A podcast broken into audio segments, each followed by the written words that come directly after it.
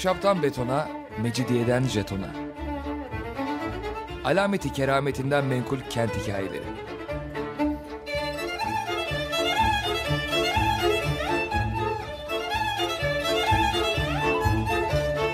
Hazırlayan ve sunan Pınar Erkan.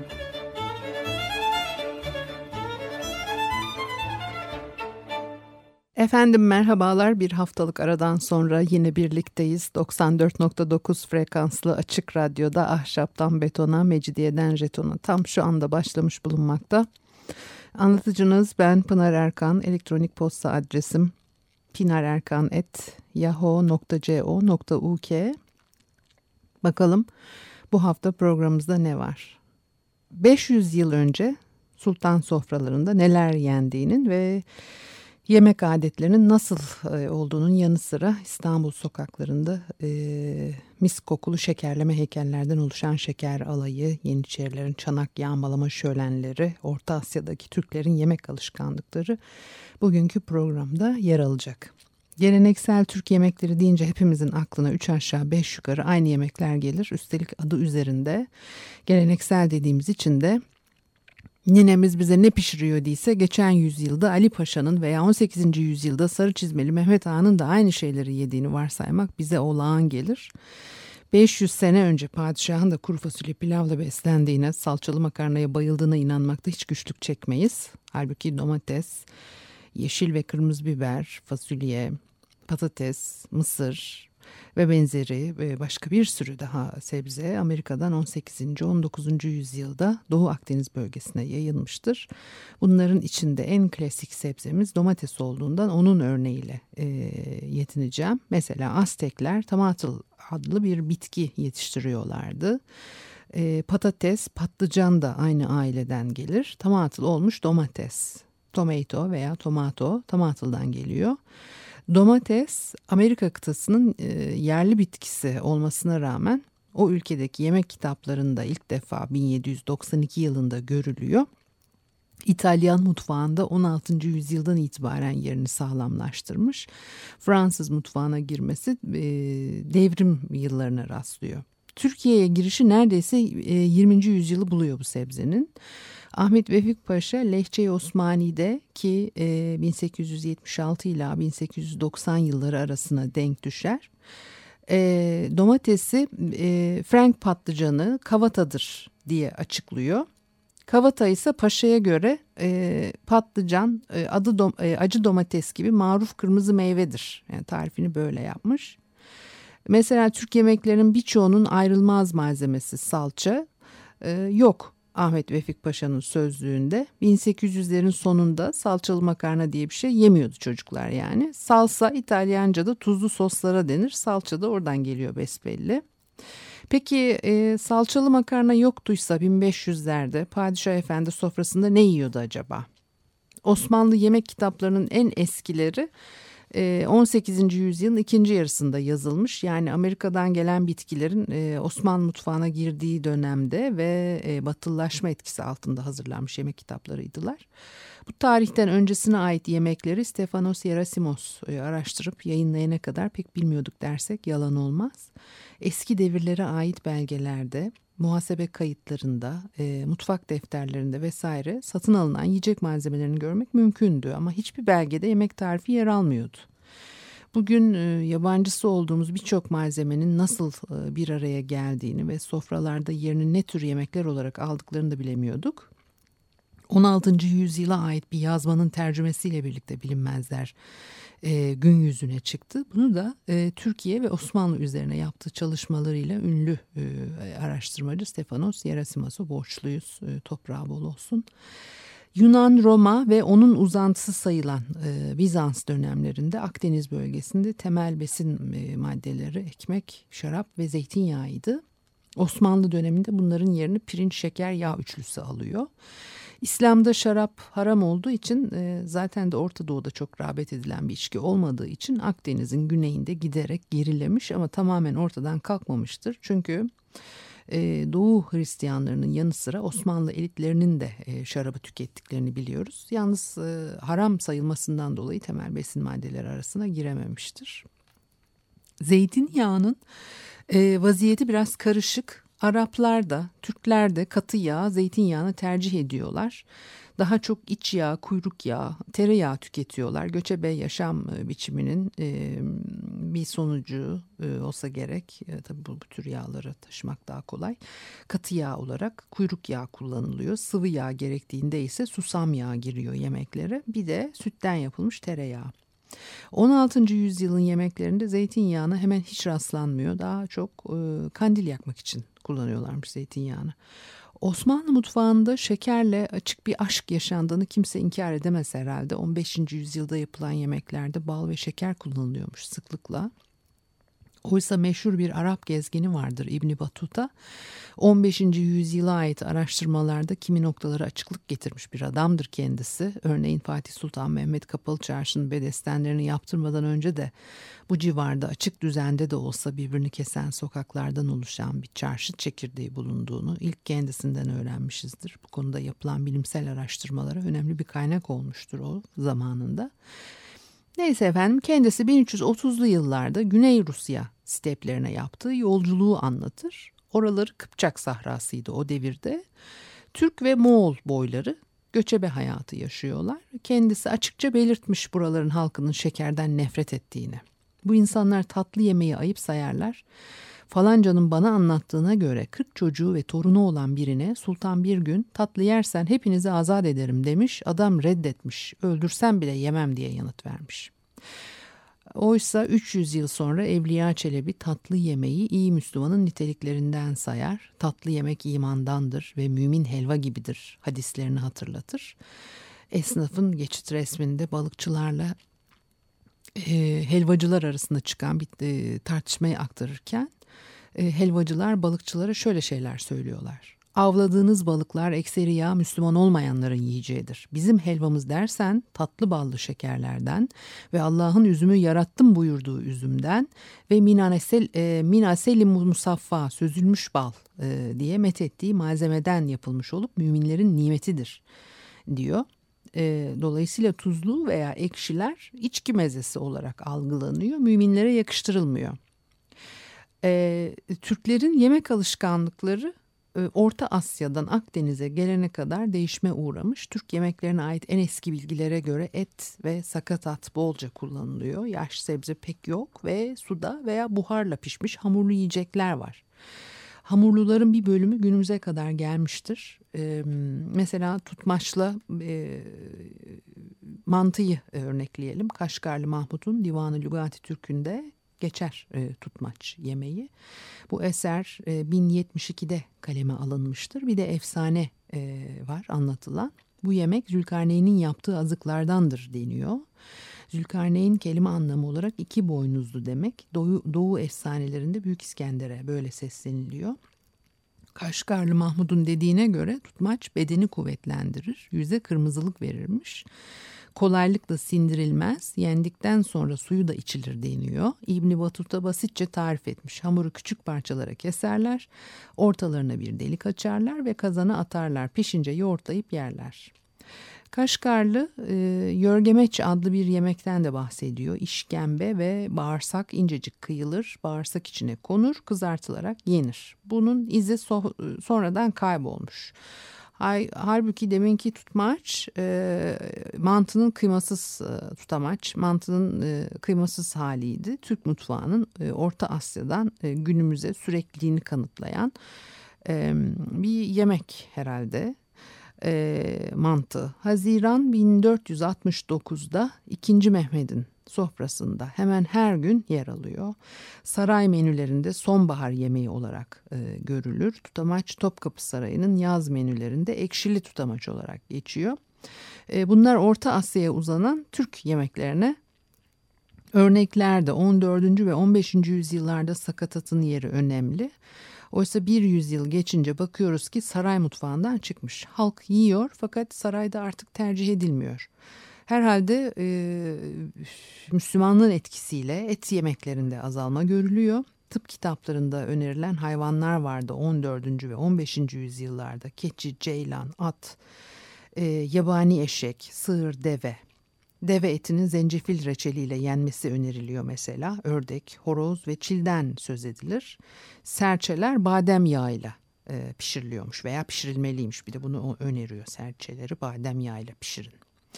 Fakat 100 yıl geçince bakıyorsunuz saraya sadece koyun ve tavuk satın alınır olmuş.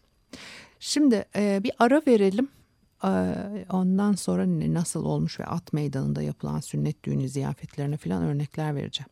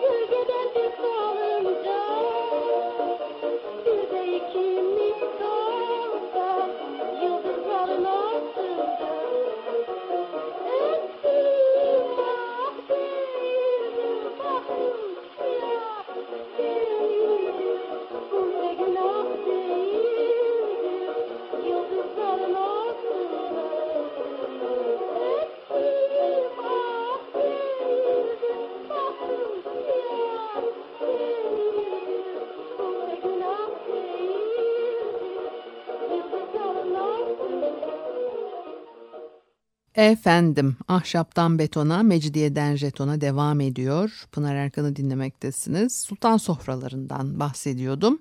Ee, ta Orta Asya'ya kadar giden e, yemek e, adetlerinden ve e, işte e, et olarak tüketilecek hayvanların e, türünde azalma oldu dedim. Devenin etinin zencefil reçeliyle e, yenmesi öneriliyordu 14. 15. yüzyıllarda dedim. Ama 16. işte yüzyıla gelince bakıyorsunuz saraya sadece koyun ve tavuk satın alınır olmuş. Şimdi şunu belirtmekte yarar var ki at meydanında yapılan e, sünnet düğünü ziyafetlerinde kaz, ördek, keklik, bıldırcın ve hatta tavus kebaplarına rastlanıyor. 1582 tarihli sünnet düğününde sığırlar kızartılarak meydana getiriliyor. İçlerinden canlı hayvanlar çıkıyormuş. E, bunu bugünün e, değerleriyle kavrayabilmemiz zor tabii. Bir kere e, işlemin detaylarına vakıf değiliz. İçeriden çıkan hayvanlar ne canlılıktaymış mesela bilmiyoruz. Pişmiş sığırın içinden canlı hayvan çıkıyormuş da ne oluyormuş? Kızarmış yağları cızırdayarak gözün döşünden akan sığırın karnından minik kuzucukları atlıyor ve hoplaya hoplaya kırlara mı koşuyormuş? Efendim şöyle oluyormuş. Kanuni'nin e, tarihçisi Celalzade Mustafa anlatıyor. Saltanatın ilk büyük gösterisi Sadrazam İbrahim Paşa ile padişahın kızının düğün şenlikleri. Celalzade diyor ki meydanda develer, sığırlar kesip bunları kalın şişlere geçirdiler. Pişince yemek için ortaya getirdiler ve yerken bunların karınlarından diri kurtlar, tavşanlar, tilkiler çıktığı görüldü. 1530 şenliğinde yani 6 yıl sonra teknikte gelişme kaydedilmiş. O gün birçok sığırlar, koçlar, koyunlar kestiler ve bunları demir kancalara astılar. Kim isterse alsın diye ilan ettiler. Kurbanları parçalayıp kapışmaya gelenler bunların karınlarından diri canavarlar, kurtlar, tilkiler, çakallar, tavşanlar, köpekler, kediler, kunduzlar ve uçan kuşlardan kargalar çıktığını gördüler. Halk çığlık koparıp kaçmaya ve gülüşmeye başladı. Neymiş demek ki eğleşiyorlarmış bu şekilde. Gerçekten de bugün hiç bulamayacağımız e, sisler puslar arasında tılsımlı, tırmalayıcı, grotesk e, bir sahne. 1582 yılına geldiğimizde artık yerleşmiş oturmuş bir gösteriyle e, karşılaşıyoruz. Yabancı bir gözlemcinin kaleminden şu şekilde gerçekleşiyor atraksiyon. Bundan sonra aşçılar çevreye seyrettirdikten sonra bölük bölük heybetli sığırları şişlere geçirip çarklarda döne döne pişirdiler. Pişirdikten sonra ateşten indirip gövdelerine çeşitli haşerat ve içlerinde her cinsten dört ayaklı hayvanlar doldurup diktiler. Halkın gözünden kaçırarak sonra nöbet nöbet tüm halk ve bölük bölük zengininden ve fakirinden herkes yer yer yemeğe oturdular. Ondan sonra şenlik meydanında sözü edilen pişmiş sığırlar getirilip herkese birden yağma ve etleri birbirinden ayrılırcasına pişmiş olan kebaplara sala komutu verildi. O kalabalık yek vücut birbirine karışıp hepsi birden davrandılar ve koyun sürüsüne saldırır gibi girişip öküzün boynuzlarında duran yer ve göğü inlettiler yırtışları ve çekişleriyle içlerinde olan haşeratı kavga dövüş meydana sıçrattılar. Bu durumda haşerat ve insanlar birbirine karışıp birbirinden çekinerek ve korkarak ortada bulunan konuşan ve konuşmayan hayvanlar birbirine girip sözün kısası ölüsü dirisine, dirisi ölüsüne karışmıştır. Evet, e, başka bir programda e, bu, bu, bu son kısımda e, sözünü ettiğim örnekten gene bahsetmiştim başka bir sebeple. Aynı şen, şenlikte başka bir e, yabancı gözlemci biraz daha değerli toplu ve daha az e, rahatsız edici bir anlatım sunuyor.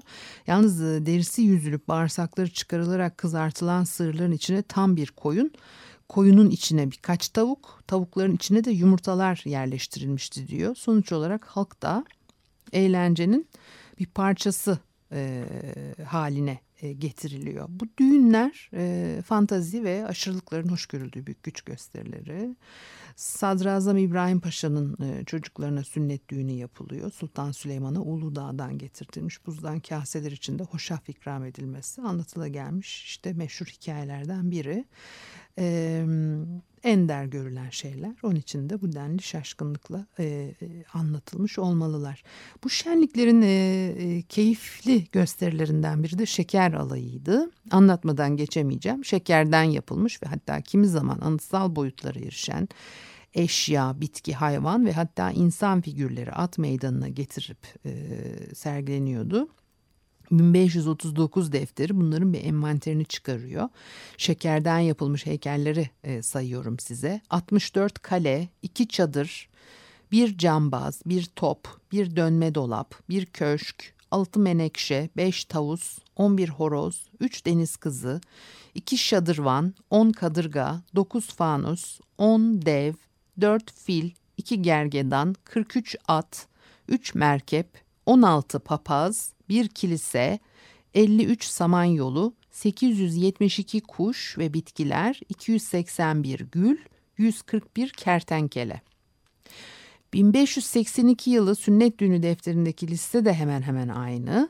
Ee, gergedan bire inmiş, öbürü yerine bir zürafa gelmiş. Çünkü iki tarih arasında İstanbul'a getirilen bir zürafa müthiş ilgi uyandırmış besbelli. Bunu, buradan onu anlıyoruz. Papazlar da yok. Çünkü o dönem için artık dini yasaklar daha baskın hale gelmiş. Demek ki e, listeler e, tıpadıp birbirine uyduğuna göre e, figürlerin de e, rastgele seçilmediği sonucunu çıkarıyoruz. Bu figürlere harcanan 9595 kilo şekerin yanı sıra 5644 kilo misk, tarçın, karanfil, anason, turunç, limon, kişniş, badem ve e, fıstık e, kullanılmış. Toplam 6000 altından fazla da para harcanmış. At meydanında dolaştıktan sonra şeker heykelleri halka yağmalattırılıyor. İstanbullular 15 ton şekerlemeyi aralarında paylaşıyorlar. Ee, 16. yüzyılda her evde mutfak var zannetmeyin. Yerasimos İstanbul'daki evlerin ancak %6'sında mutfak bulunduğunu söylüyor. Ee, daha önce de belirttim herhalde bu konuyla ilgili 16. yüzyıldan günümüze kalabilmiş bir e, konut örneği pek var denemez. Zaten genelde bilgilerimiz varlıklı insanların yaşama alanlarına dayanmakta. Çünkü e, onlar iz bırakıyor. Bugün bilebildiğimiz, inceleyebildiğimiz konut örnekleri de e, çoğunlukla 19. yüzyıla aittir. E, hemen tamamı e, Ebniye nizamnamelerinin ardından inşa edilen yapılar. Ebniye nizamnameleri de e, yani 19. yüzyılda Tanzimat sonrası batılılaşma mantığına uygun biçimde çıkarılan ve e, yapılaşmayı ilgilendiren e, kanunlar. Dolayısıyla daha eskiye ait konutlarla ilgili bilgilerimiz sınırlı. Az sayıda evin e, mutfağı var. Geri kalanlar ya avluda e, yemek pişiriyorlar ya da hazır alıyorlar. Bunu da yadırgayabilirsiniz ama yadırgamayın dünyanın başka yerlerinde başka başka yüzyıllarda rastlanılan bir durum bu. Mesela aynı dönemde Kahire'de de e, en yoksul kesim yemeklerini hazır alıyormuş veya Roma devrinde kentlerde çok sayıda tabernalar bulunuyormuş. En yoksul kesim buralardan besleniyor. Nedeni çok açık. Evlerde ayrı ayrı ocak yakmanın maliyetini düşünün. Aşçı ocaklarında e, çok kişiye yemek pişirilmesi daha hesaplı. Bu yüzden sabit ya da seyyar aşçıdan alınan yiyecekler daha ucuza çıkıyor. E, dolayısıyla e, daha çok sarayda ne yendiğini bilebiliyoruz. Ne yendiğinden çok tabii ben elimde olmadan işin törensel kısımlarına, adetlere kaydımın farkındayım ama böylesi daha iyi değil mi? Sarayın düzeni karışık e, merkezde Topkapı Sarayı var. Sarayda kimler yaşıyor? Sarayda padişah 16. yüzyılın ikinci yarısından başlayarak harem, içi olanları ve harem ağalarından oluşan e, Enderun halkı e, var. Sarayın etrafında Birun halkı yani bostancılar, çavuşlar, e, ahır personeli ve diğerleri ikamet ediyor. E, buna ek olarak padişahların haremlerinden e, haremlerinin yerleştirildiği Beyazıt'taki eski saray, İbrahim Paşa Sarayı, kadın sultanların sarayları vesaire.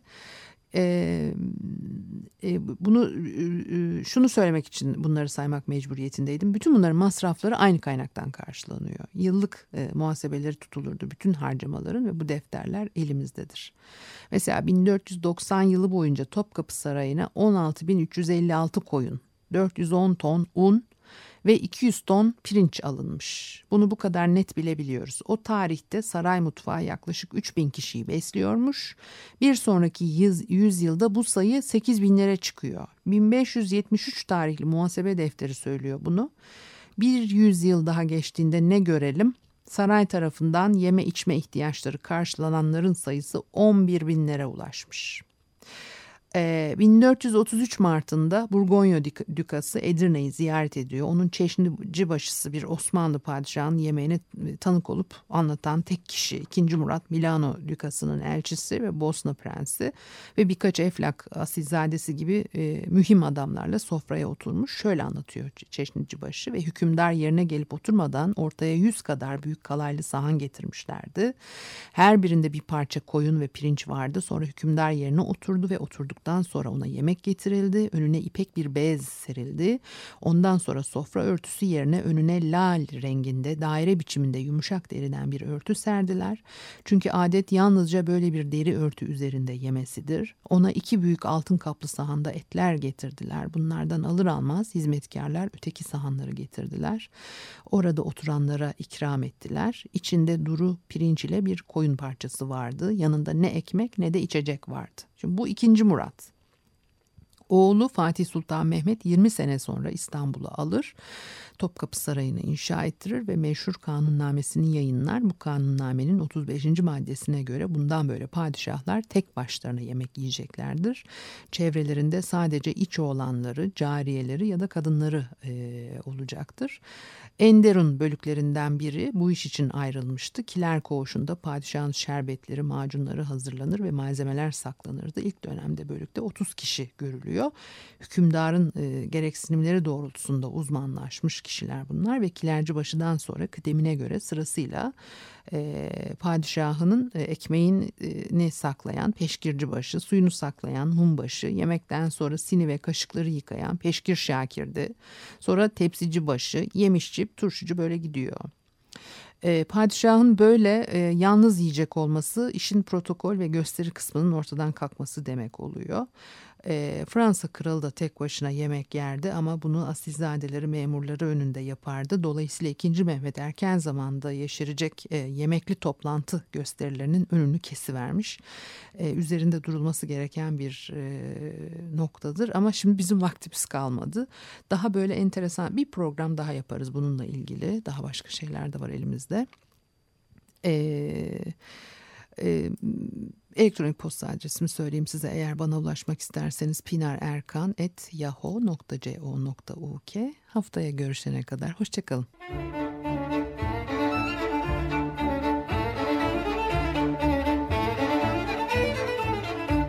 Ahşaptan betona, mecidiyeden jetona. Alameti kerametinden menkul kent hikayeleri.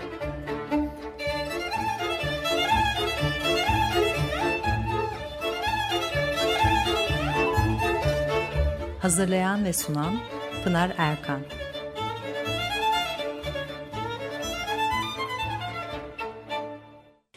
Açık Radyo program destekçisi olun.